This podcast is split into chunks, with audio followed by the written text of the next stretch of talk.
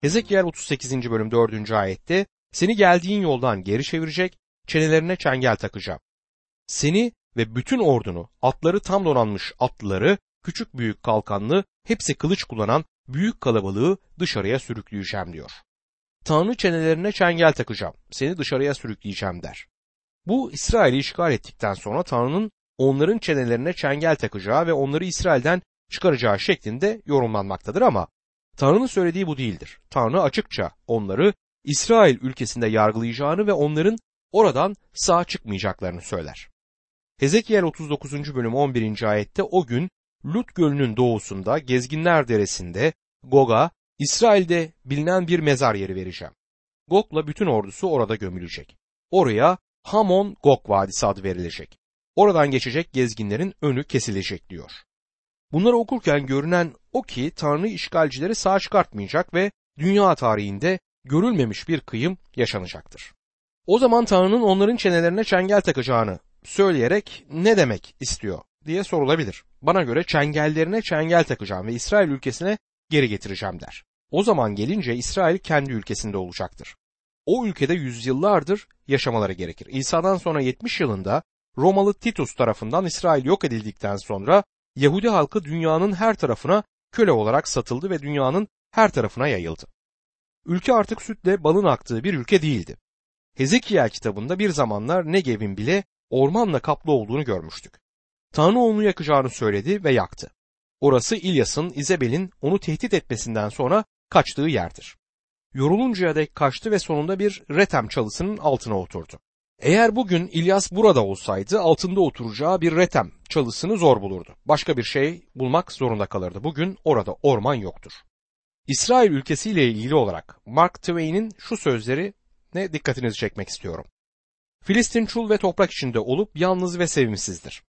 Umutsuz, kasvetli ve kalbi kırık bir ülkedir. Neden başka türlü olsun ki?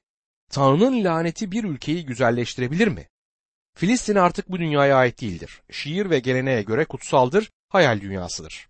Filistin ülkesine dönüş hareketini Siyonist hareketi başlatan Avustralyalı oyun yazarı Dr. Theodor Hels şu ifadeyi kullanır.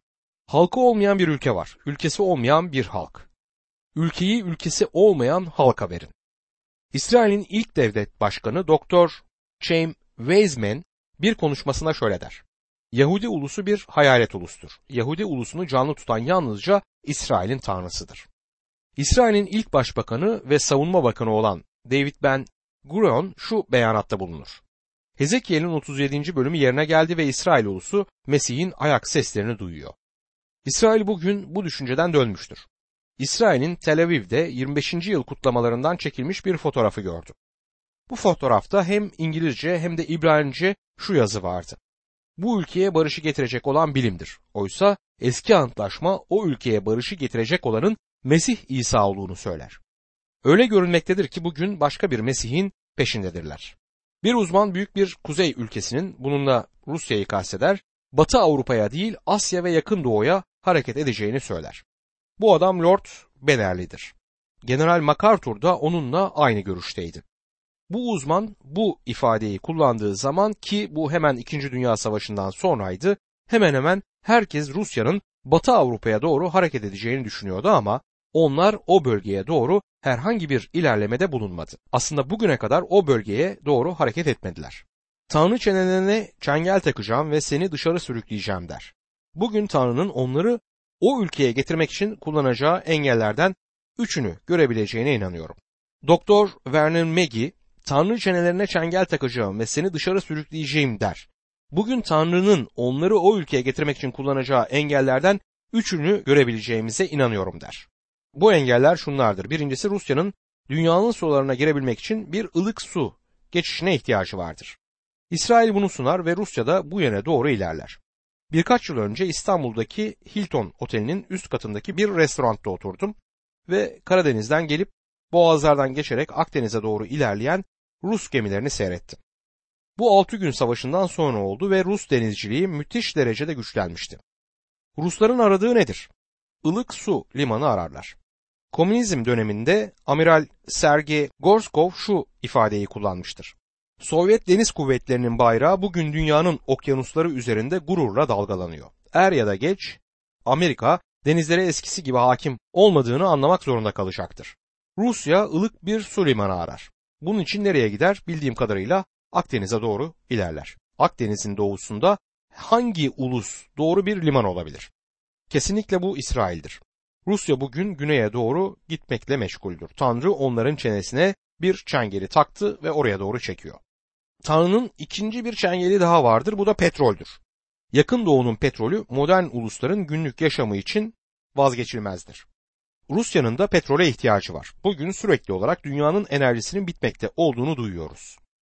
Petrol rezervleri azalan rezervlerdir. Sonuç olarak dünya petrol bulabileceği yerleri arar.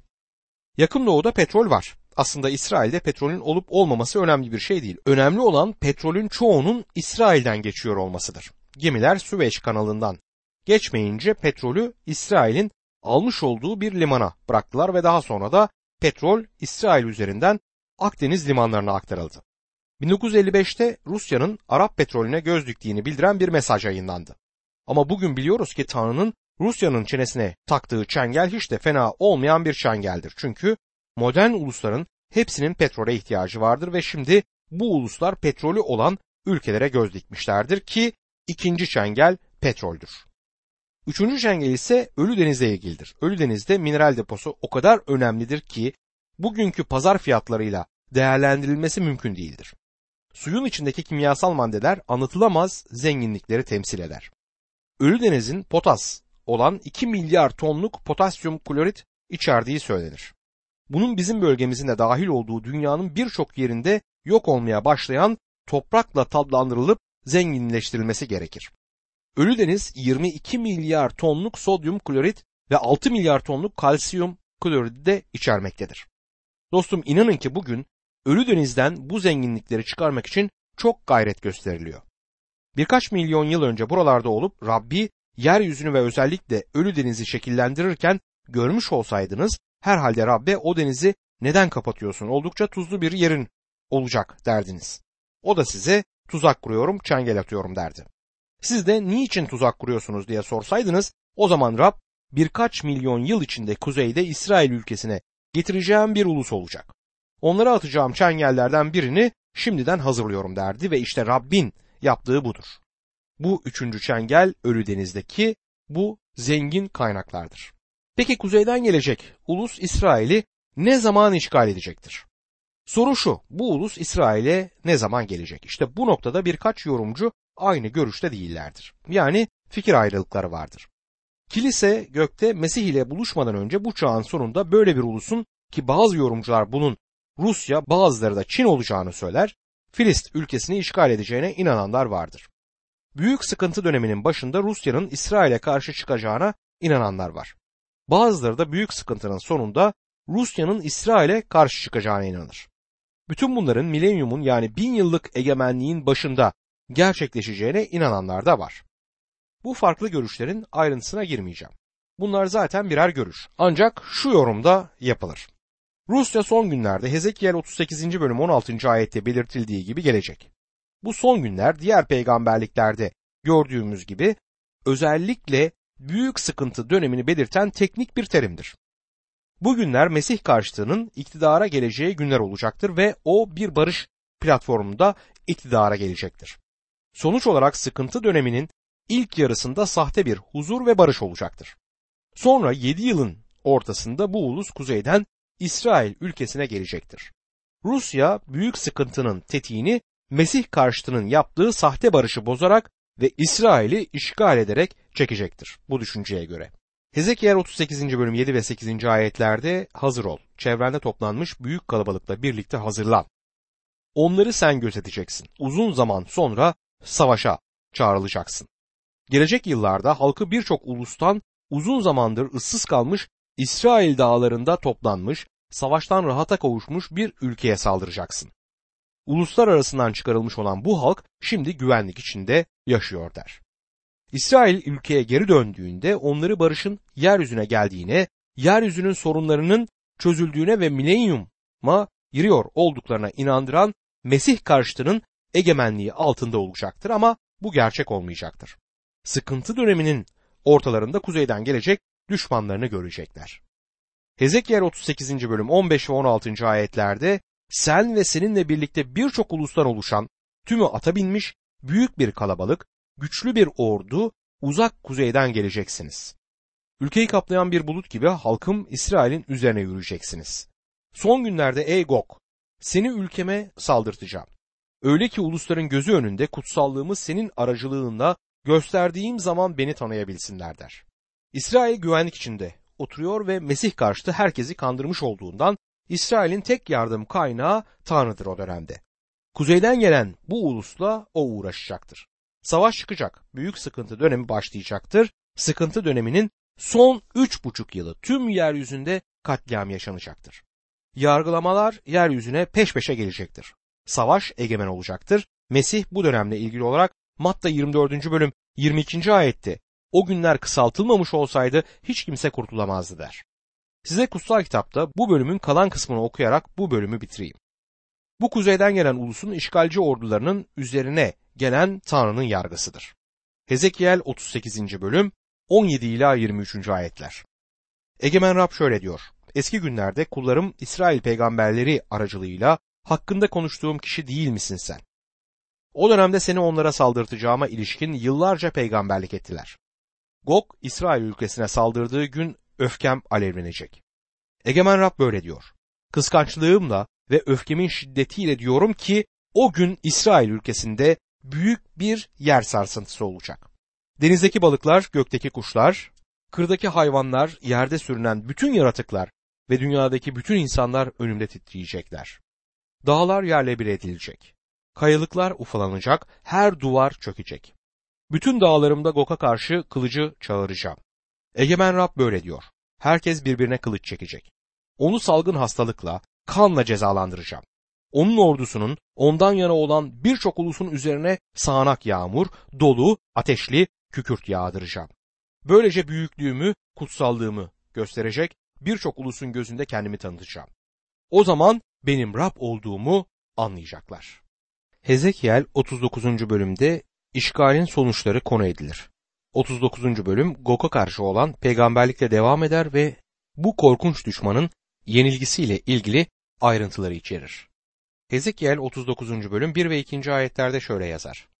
İnsanoğlu, Gok'a karşı peygamberlik et ve ona de ki, Egemen Rab şöyle diyor. Ey Roş'un, Meşek'in, Tuval'in önderi, Gok sana karşıyım. Seni geri çevirip sürükleyeceğim. Seni uzak kuzeyden çıkarıp İsrail'in dağlarına getireceğim. Eski çevireye göre sizi altı belayla cezalandıracağım ifadesi bulunur. Bu belalar Hezekiel'de şöyle sıralanmaktadır. Hezekiel 38. bölüm 22. ayet. Onu salgın hastalıkla, kanla cezalandıracağım. Onun ordusunun ondan yana olan birçok ulusun üzerine sağanak yağmur, dolu, ateşli kükürt yağdıracağım. Tanrı Sodom ve Gomorra'yı böyle yargıladı. Yaratılış 19. bölüm 24. ayette Rab Sodom ve Gomorra'nın üzerine gökten ateşli kükürt yağdırdı der. Ve işte Tanrı halkını yok etmek için kuzeyden gelecek olan orduyu aynı bu şekilde yok etmeyi tasarlar. Eskiden Rusya'nın her zaman Yahudi karşıtı olduğunu anımsayın. İsrail ve Amerika dışında en çok Yahudi nüfusunun olduğu yer Rusya'ydı. Rusya'nın o dönemlerde Yahudilerin ayrılmasına izin vermediği için pek çok eleştiriye maruz kaldığını hatırlatmak isterim. Ama son günlerde Tanrı İsrail halkına karşı olacak bu ulusun davranışıyla ilgilenecektir. Burada bizim için de bir mesaj bulunur.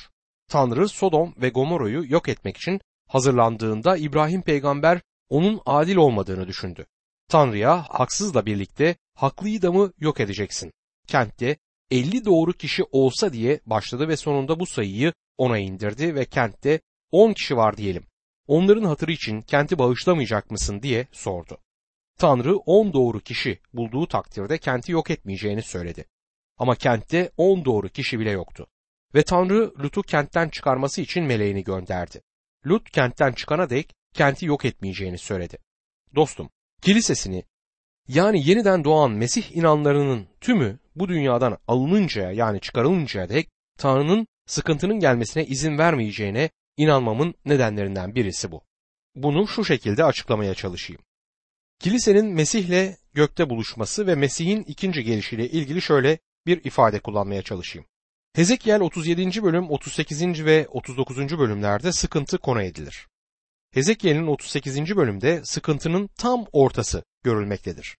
Ancak Hezekiel 40 ila 48. bölümlerde milenyum yani bin yıllık dönem konu edilir. Kabaca söylemek gerekirse sıkıntı dönemi sırasında yeryüzü cehenneme dönecektir. Korkunç bir zaman olacak bu. Tanrı'nın kurtulan çocuklarının ki biz buna inanlar topluluğu ya da kilise diyoruz, sıkıntı döneminden geçeceğinde ısrar edenleri anlamıyorum. Kutsal kitap yeryüzünde bütün bunlara 144 bin Yahudinin tanık olacağını açıkça belirtir. Tanrı kuzeyden gelip İsrail'i işgal eden düşmanı yargıladıktan sonra sıkıntı döneminin geri kalan kısmında Mesih karşıtının dünyayı yönetmesine izin vereceğini söyler. Sonra Rab İsa Mesih egemenliğini kurmak için yeryüzüne gelecektir. Bunun resmedilmiş halini Vahiy 19. bölümde görürüz. Vahiy kitabının 20. bölümünde milenyum yani bin yıllık egemenlik başlar. Bütün bu müthiş olayları düşünürken şimdiye kadar çalışmış olduğumuz konuları şöyle bir gözden geçirelim. Dört ana peygamberin üçünü dikkatlice inceledikten sonra ki bunlar Yeşaya, Yeremya ve Hezekiel'dir bazı önemli ilkeler ortaya çıktı.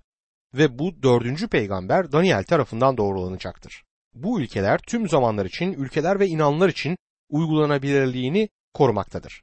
Burada inanlar derken Rab İsa Mesih'e kurtarıcı olarak iman edip kutsal kitabın da Tanrı sözü olduğuna inananları kastediyorum. Hezekiel'de Tanrı'nın İsrail'le uğraştığını gördük. Dostum Tanrı İsrail derken kiliseyi değil İsrail'i anlatır. Tanrı İsrail derken kiliseyi demek istediğini söyleyenlerin teolojisini onaylayamıyorum. Tanrı'nın bir şey derken onu demek istediğine izin verelim ve Tanrı'nın bu peygamberliklerde harfi harfine İsrail halkıyla uğraşmış olduğunu anlayalım. Doğru yorum budur. Ancak Tanrı'nın İsrail ile uğraşması için yaşadığımız dünyayla uğraşmasının bir örneği olduğundan burada ders çıkartabiliriz. Tanrı'nın kendi halkıyla uğraşmasında kullandığı ilkeler sonsuzdur. Çünkü bu ilkeler Tanrı'nın özellikleri ve karakteriyle ilgilidir. Bunlardan bazılarını Yeşaya ve Yeremye kitaplarında belirttim. Ve şimdi de Hezekiel kitabından bazı sonuçlar çıkartmaya hazırım. Tanrı'nın yüceliğini ve kutsallığını Hezekiel'den daha çok vurgulayan başka bir peygamber yoktur. O Tanrı'nın yüceliğini gördü. Bu da kitabının başındaki büyük görümdü. O bunu unutmadı ve bunu bizim de unutmamamız gerekiyor. Bu nedenle Tanrı yargısı üzerinde özellikle durmaktadır. Tanrı sabırlıdır. Hiç kimsenin mahvolmasını istemez ve halkını tekrar ve tekrar kendisine dönmeleri için uyarır. Dönmedikleri takdirde Yaruşilim'i yargılayacağı konusunda uyarılarla doludur kutsal kitap. Sonra Yaruşilim düştü ve Hezekiel halkı geleceğe bakmaları için yüreklendirdi. Ama dedi, başka bir düşman geliyor. Rab İsa Mesih yeryüzündeyken Yaruşilim kenti için ağladı. Çünkü birkaç yıl içinde Romalı Titus'un kenti Nebukadnezer'in geçmişte yaptığı gibi yok edeceğini biliyordu. Yarışilim'de işler yolunda gitmiyordu ve bu kentin Tanrı'nın bereketlerinden zevk alabilmesi için bu işlerin düzelmesi gerekmekteydi. Yalancılar yalanı bırakmadı, hırsızlar hırsızlığı bırakmadı, yasalara uymayanlar yasalara uymadı ve doğrular kentte etkili olmadılar. Yarışilim'in bereketi yalnızca ülkede Tanrı kabul ve saygı gördüğü zaman gelebilirdi bir ulusun ya da bireyin Tanrı'nın sevgisini, merhametini ya da iyiliğini ve lütfunu görmesinden önce doğruluğun etkili olması şarttır. Yaruşilim hastalıklıydı. İnsanlar yanlış düşünüyordu. Ve yanlış hareket ettiler. Günah içindeydiler ve Tanrı onları yargılamakta haklıydı. Tanrı yanlış olanı asla bereketlemez. Hezekiel peygamberi Yeremya peygamberle karşılaştırırsak bu kaçınılmaz olur. Buna dikkat etmenizi yine isterim. Çünkü bunu çok önemsiyorum. Yeremye peygamber Tanrı'nın yüreğini gösterir. Tanrı yargılamak istemez. Yaşaya da dediği gibi yargılamak tuhaftır. Tanrı kurtarmayı tercih eder. Onun işi ve amacı budur. Rab kimsenin mahvolmasını, yok olmasını istemez. İnsanlıkla yakından ilgilenmektedir. Yuhanna müjdesinin beyanı Rabbin beden alıp aramıza gelmesidir ki bu onun bize olan sevgisini ve ilgisini gösterir. Yarışilim kentinin yok olacak olması Rabbin kalbini kırmıştır. Yüzyıllar önce Yeremya'nın ağladığı gibi İsa Mesih de Yaruşilim için ağladı. Hezekiel'de ise bambaşka bir şey görürüz. Yaruşilim'in yok edildiği sırada Hezekiel peygamberin karısı öldü ve Tanrı onun karısı için yas tutmasını yasakladı.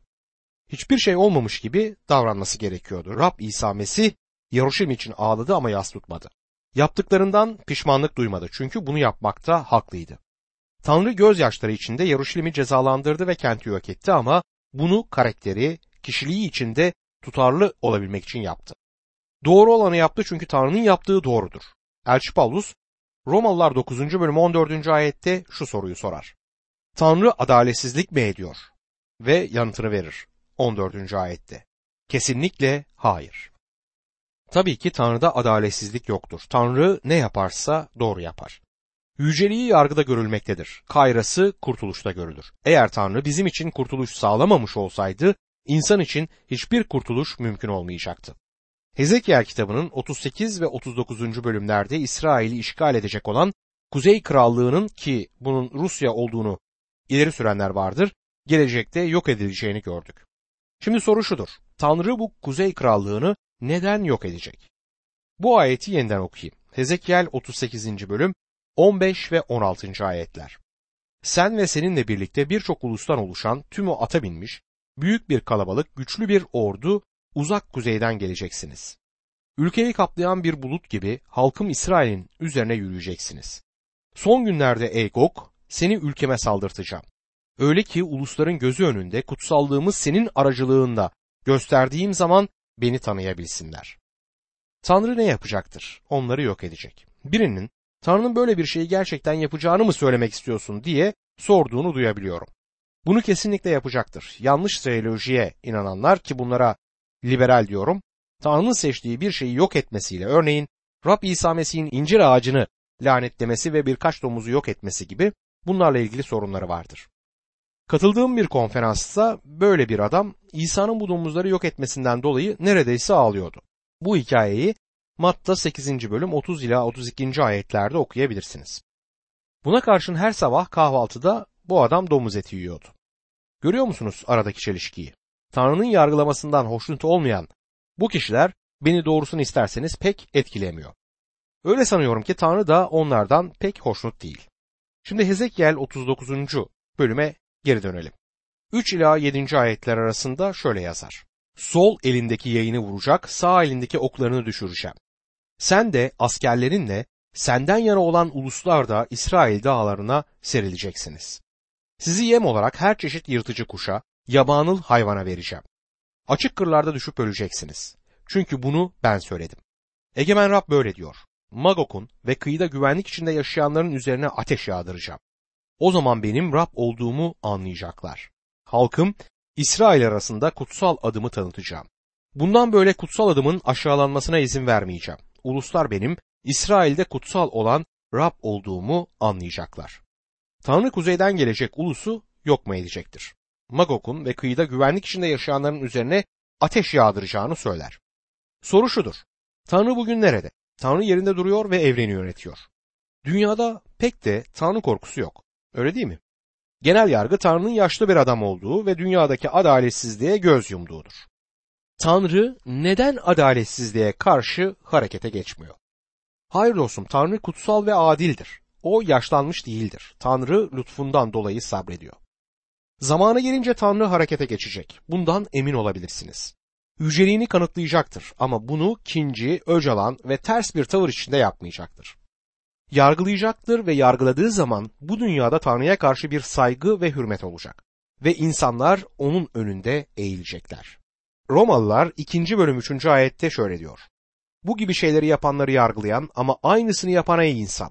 Tanrı'nın yargısından kaçabileceğini mi sanıyorsun? İnsan yargıdan kaçamayacaktır. Günahın cezasından kaçabileceğini düşünür. Ama bundan kaçamayacaktır.